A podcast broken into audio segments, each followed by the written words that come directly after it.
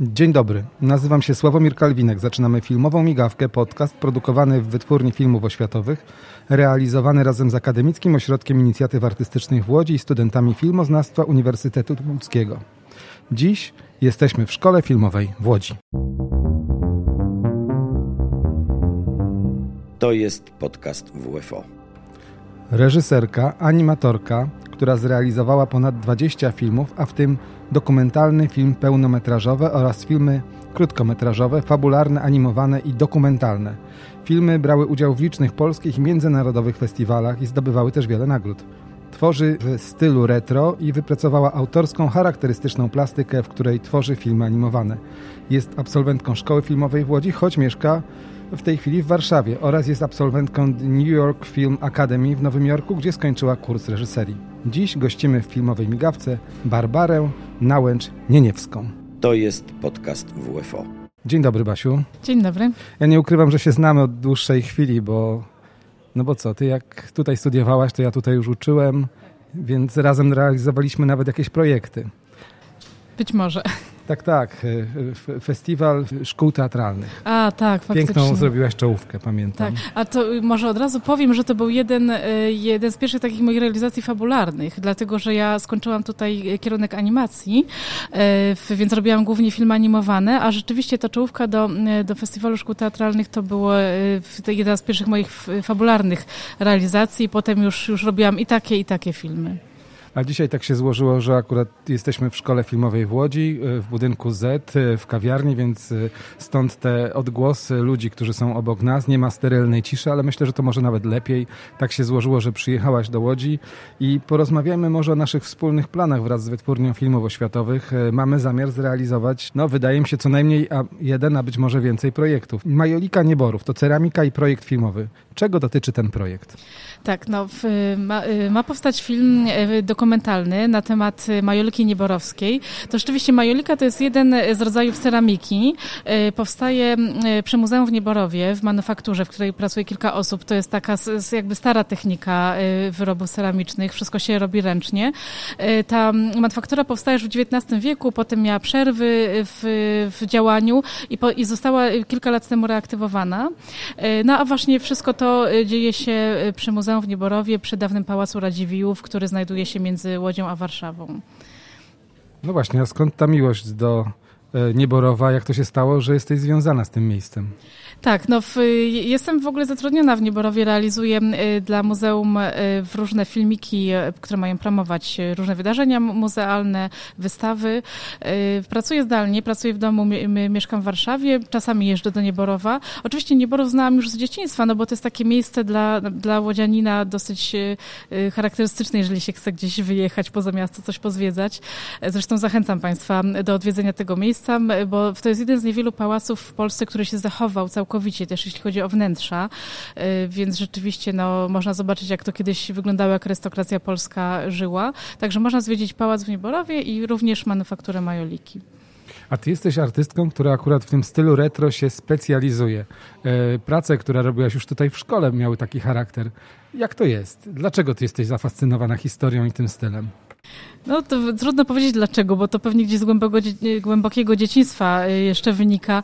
Może taka była atmosfera w domu, że było też zainteresowanie historią, było dużo książek, albumów z malarstwem, dużo, dużo chodziłam do muzeów już jako dziecko. Moja mama zawsze się śmiała, że byłam takim muzealnym dzieckiem, już, już rzeczywiście wtedy to na mnie robiło wrażenie. I do dzisiaj uwielbiam zwiedzać wystawy. Jakoś sztuka dawna szczególnie na mnie, na mnie duże wrażenie robi. Historią interesuję się od zawsze i rzeczywiście większość filmów, które w ogóle zrealizowałam w życiu, są o tematyce historycznej, czy też w tej plastyce właśnie historycznej. Dla mnie w ogóle strona plastyczna filmów ma bardzo ważne, duże znaczenie. Więc czy to film animowany, czy fabularny, zdjęcia, właśnie kostiumy, scenografia, to są dla mnie bardzo istotne rzeczy, które jakby bardzo też na, na mnie działają poza samą treścią, fabułą. No i rzeczywiście tak, tak to jest, że większość filmów, które tworzę są o tematyce historycznej. Ja widziałem już projekt, bo jesteś bardzo dobrze przygotowana do realizacji filmu i on ma taki bardzo specyficzny, plastyczny charakter. Jak byś go mogła opisać? Mhm. No to jest y, technika kolażu. Można powiedzieć, że kolaż w stylu retro. Wykorzystuje fragmenty y, właśnie historycznych obrazów, fotografii. Jeżeli to są fotografie czarno-białe czy w sepi, to też często je koloruje. Y, generalnie pracuje w komputerze, więc to kolaże powstają w komputerze i animacje później też, ale rzeczywiście mają taki charakter historyczny. Mogą też trochę przypominać tak zwane scrapbooki, jakie były modne w XIX wieku. Rzeczywiście wtedy młode, najczęściej kobiety robiły takie albumy, gdzie właśnie przyklejały fragmenty jakichś wycinanych żurnali. No to troszeczkę jest, jest w tym charakterze właśnie. A czego będzie dotyczył sam film? Y, no to będzie film dokumentalny, jak już wspomnieliśmy właśnie o tej manufakturze Majoliki w Nieborowie.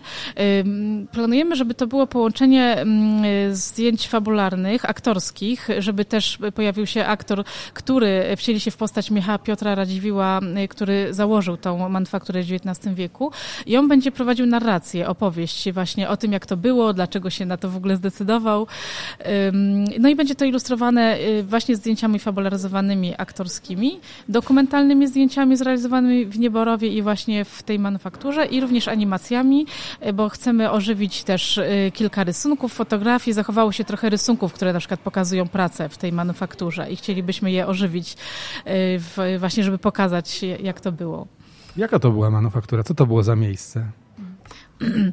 To był taki pomysł charakterystyczny w ogóle dla epoki pozytywizmu. To był drugi, druga połowa XIX wieku, e, kiedy właśnie starano się na przykład e, osoby ze wsi jakoś zaangażować e, do, do różnych prac, że, w, że nie tylko jakby musieliby pracować na roli, ale żeby można ich wykształcić i żeby mogli robić inne rzeczy. I takie, takie idee często wśród arystokracji było, były właśnie, właśnie Michał Piotr Radziwił był takim ideowcem powiedzmy i chciał też kształcić kształcić e, osoby ze wsi, często kobiety młode, e, które na przykład miały jakieś trudności e, z znalezieniem pracy, więc właśnie jakby kształcono ich w tym kierunku, żeby się uczyły, jak taką ceramikę wykonywać i oprócz tego, że dostawały tam pracę i zarobek, to też mieszkanie tam gdzieś w okolicy pałacu i drewno na opał, co wówczas było bardzo ważne. W, w jakimś takim najlepszym okresie to manufaktura zatrudniała około 100 osób nawet, właśnie z tych ze, ze wsi Nieborów czy okolicznych wsi. I też jeszcze w wtedy była taka powoli się stawała modna idea, żeby stworzyć mm, y, sztukę stosowaną, czyli jakby wzornictwo przemysłowe w stylu polskim. No, wiemy też, że Polski nie było wtedy na mapie Europy, były zabory, ale jednak no, Polacy starali się jakoś tą polskość utrzymać jakby w różnych sferach, również w sferze kultury czy sztuki. No i to też była taka właśnie idea Michała Piotra Radziwiła, żeby mm, żeby stworzyć taką sztukę stosowaną polską.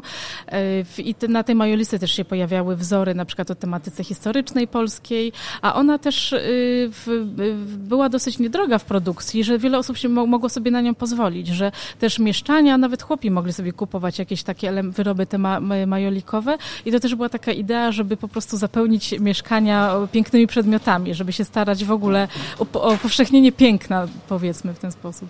To jest bardzo ciekawe, bo to się nie wiąże z takim typowym myśleniem o tym, jak to arystokracja postępowała. Wydaje mi się, że jesteśmy skażeni przez dziesięciolecia takim myśleniem, że arystokraci to byli ludzie, którzy tylko byli krwiopijcami. No to prawda, jeszcze tym bardziej teraz się coraz częściej o tym mówi. A czy, no też zależy od epoki, bo pewnie trudniej, jak, jak mówiłem na przykład o arystokracji XVIII-wiecznej, to wtedy pewnie mniej oni zwracali uwagę na lud, bardziej na swoje interesy i, i też no, często ich winimy, jeśli właśnie w kwestii um, utraty niepodległości. Natomiast to się bardzo zmieniało potem w XIX wieku i szczególnie w drugiej połowie XIX wieku, e, kiedy rzeczywiście no, te idee pozytywizmu też były im bardzo bliskie i też y, i, i patriotyzm, który się wtedy bardzo kształtował w XIX wieku, też mieli poczucie, że warto jakby lud jakby uczyć też może na temat polskości, żeby ich potem przyciągnąć ewentualnie do powstań, prawda? Tak było z powstaniem styczniowym. E, no, a po upadku tego nieszczęsnego powstania, którego zresztą mamy teraz okrągłą rocznicę 160, nie, dobrze mówię, czy 160, no dobrze, 160 rocznicę. E, no to potem właśnie Polacy zdecydowali, że no, to już na razie nie, nie z bronią w ręku, w ręku, a raczej starajmy się rozwinąć przemysł w Polsce, żeby też się kraj bogacił. To też było jedno z tych założeń. No a takie dekoracje, które były obecne w każdym domu, mogły tak naprawdę o tej polskości przypomnieć za każdym razem, zupełnie nienachalnie. Tak, tak, to prawda. I na pewno też chcemy w filmie wykorzystać właśnie elementy tych dekoracji, które się pojawiały na tych wyrobach majolikowych i je ożywić właśnie poprzez animację. Tam na przykład jest jakaś postać Sobieskiego, czy jakichś tam innych e, rycerzy w kontuszach. E, no chcielibyśmy, żeby no właśnie je poruszyć i ożywić. Za chwileczkę wrócimy do naszej rozmowy, a teraz krótka przerwa reklamowa o tym, gdzie możecie Państwo wysłuchać naszych podcastów. A naszych podcastów możecie słuchać na platformie YouTube, Spotify, Apple Podcast, Google Podcast oraz na stronie Akademickiego Ośrodka Inicjatyw Artystycznych. Odnośniki znajdziecie na stronie www.com.pl łamane podcast lub w opisie odcinka. Zapraszamy do subskrybowania i słuchania naszych produkcji. Dziś gościmy w filmowej migawce Barbarę Nałęcz-Nieniewską, autorkę, animatorkę, reżyserkę filmów historycznych. Tym razem planowany jest film realizowany wraz z Wytwórnią Filmów Oświatowych w Łodzi, film historyczny w Nieborowie. No właśnie, Nieborów nie tylko film powstanie, nasza współpraca będzie miała też zwieńczenie na początku października tego roku. Co planujesz zrealizować w tym terminie? No, chcielibyśmy, żeby film powstał rzeczywiście do początku y, października, a oprócz premiery filmu, która ma, ma się odbyć w Nieborowie, to chcielibyśmy też, żeby powstał mapping, który jest no, trochę czymś innym niż film. Jest animacją wyświetlaną na fasadzie pałacu, ale o tej samej tematyce, również o, o majolice nieborowskiej. No, film planujemy, żeby trwał około 20 minut, natomiast mapping y, zazwyczaj powinien być krótszy, y, bo film ogląda się we wnętrzu, na ekranie, y, na spokojnie, na siedząco, natomiast mapping ogląda się na zewnątrz. Pogoda może być różna w, i na stojąco, więc z reguły mappingi trwają około 5 minut. A ty jesteś autorką już istniejących mappingów, bo przecież brałaś udział też w festiwalach mappingu. Jesteś autorką tego typu prac. Tak, tak. W kilka lat temu współpracowałam z Festiwalem Światła, Światła w Łodzi i wtedy reżyserowałam mapping e, na temat historii ubioru, czy może bardziej na temat emancypacji kobiet poprzez historię ubioru. E, to było w e, stulecie odzyskania niepodległości, 2018 rok, więc też chodziło o to, jak, jaki mm, kobiety miały mm, też udział w tym odzyskaniu niepodległości i właśnie poprzez historię ubioru opowiedzieliśmy tą historię kobiet. No, historia ubioru to też jest taki mój konik. Ja swój film dyplomowy na ten temat robiłam i wtedy byłam, właśnie reżyserowałam ten mapping i też zrealizowałam część projektów plastycznych, ale generalnie pracowałam też jakby z całym zespołem animatorów, który tworzył ten mapping. Może takie pytanie tutaj nie na miejscu, a może właśnie bardzo potrzebne. Czym różni się realizacja takiego mappingu od filmu animowanego? No tak naprawdę przede wszystkim jest potrzebny też oddzielny scenariusz, bo tak jak wspomniałam, y, film dokumentalny będzie trwał 20 minut, a mapping 5, więc już chociażby tutaj ta opowieść fabularna musi być trochę bardziej skrócona, w inny sposób to trzeba opowiedzieć. Mapping będzie właściwie tylko animacją, nie będzie tam y, ujęć fabularnych. I co jest istotne, jest wyświetlany na fasadzie, a nie na, na ekranie, który ma formę y, prostokąta, więc trzeba uwzględnić charakter tej fasady, to, że są na niej okna, czy drzwi, jakieś elementy dekoracyjne, i bardzo często mapping y, wykorzystuje tą fasadę. Y, i na przykład jak się powiedzmy będą tam pojawiać jakieś elementy majoliki, na przykład talerze majolikowe, one się mogą toczyć na przykład między tymi, tymi oknami, y, nie, jakby nie nachodzić na nie, tylko być pomiędzy nimi. No jakby trzeba wykorzystać ten charakter fasady, ona się też może jakoś zmieniać, przekształcać. I owszem, będziemy właśnie korzystać z tej majolikowej plastyki, ale fakt, że będzie, będzie y, no to oddzielny scenariusz, y, praca jakby można powiedzieć na oddzielnym filmem.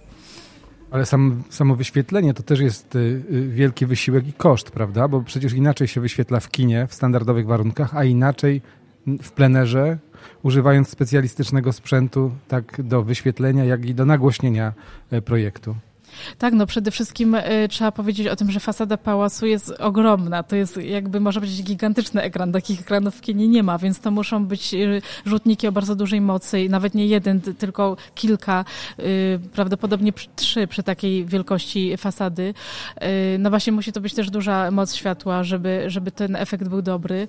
Owszem, nagłośnienie, ponieważ może przyjść dużo ludzi. W, nie, w Nieborowie już organizowano mm, takie plenerowe wydarzenia. Co roku tam jest realizowana opera plenerowa i wtedy przychodzi, zdaje się, kilka tysięcy osób, więc jest naprawdę ścisk na tym dość dużym dziedzińcu, dziedzińcu Nieborowa.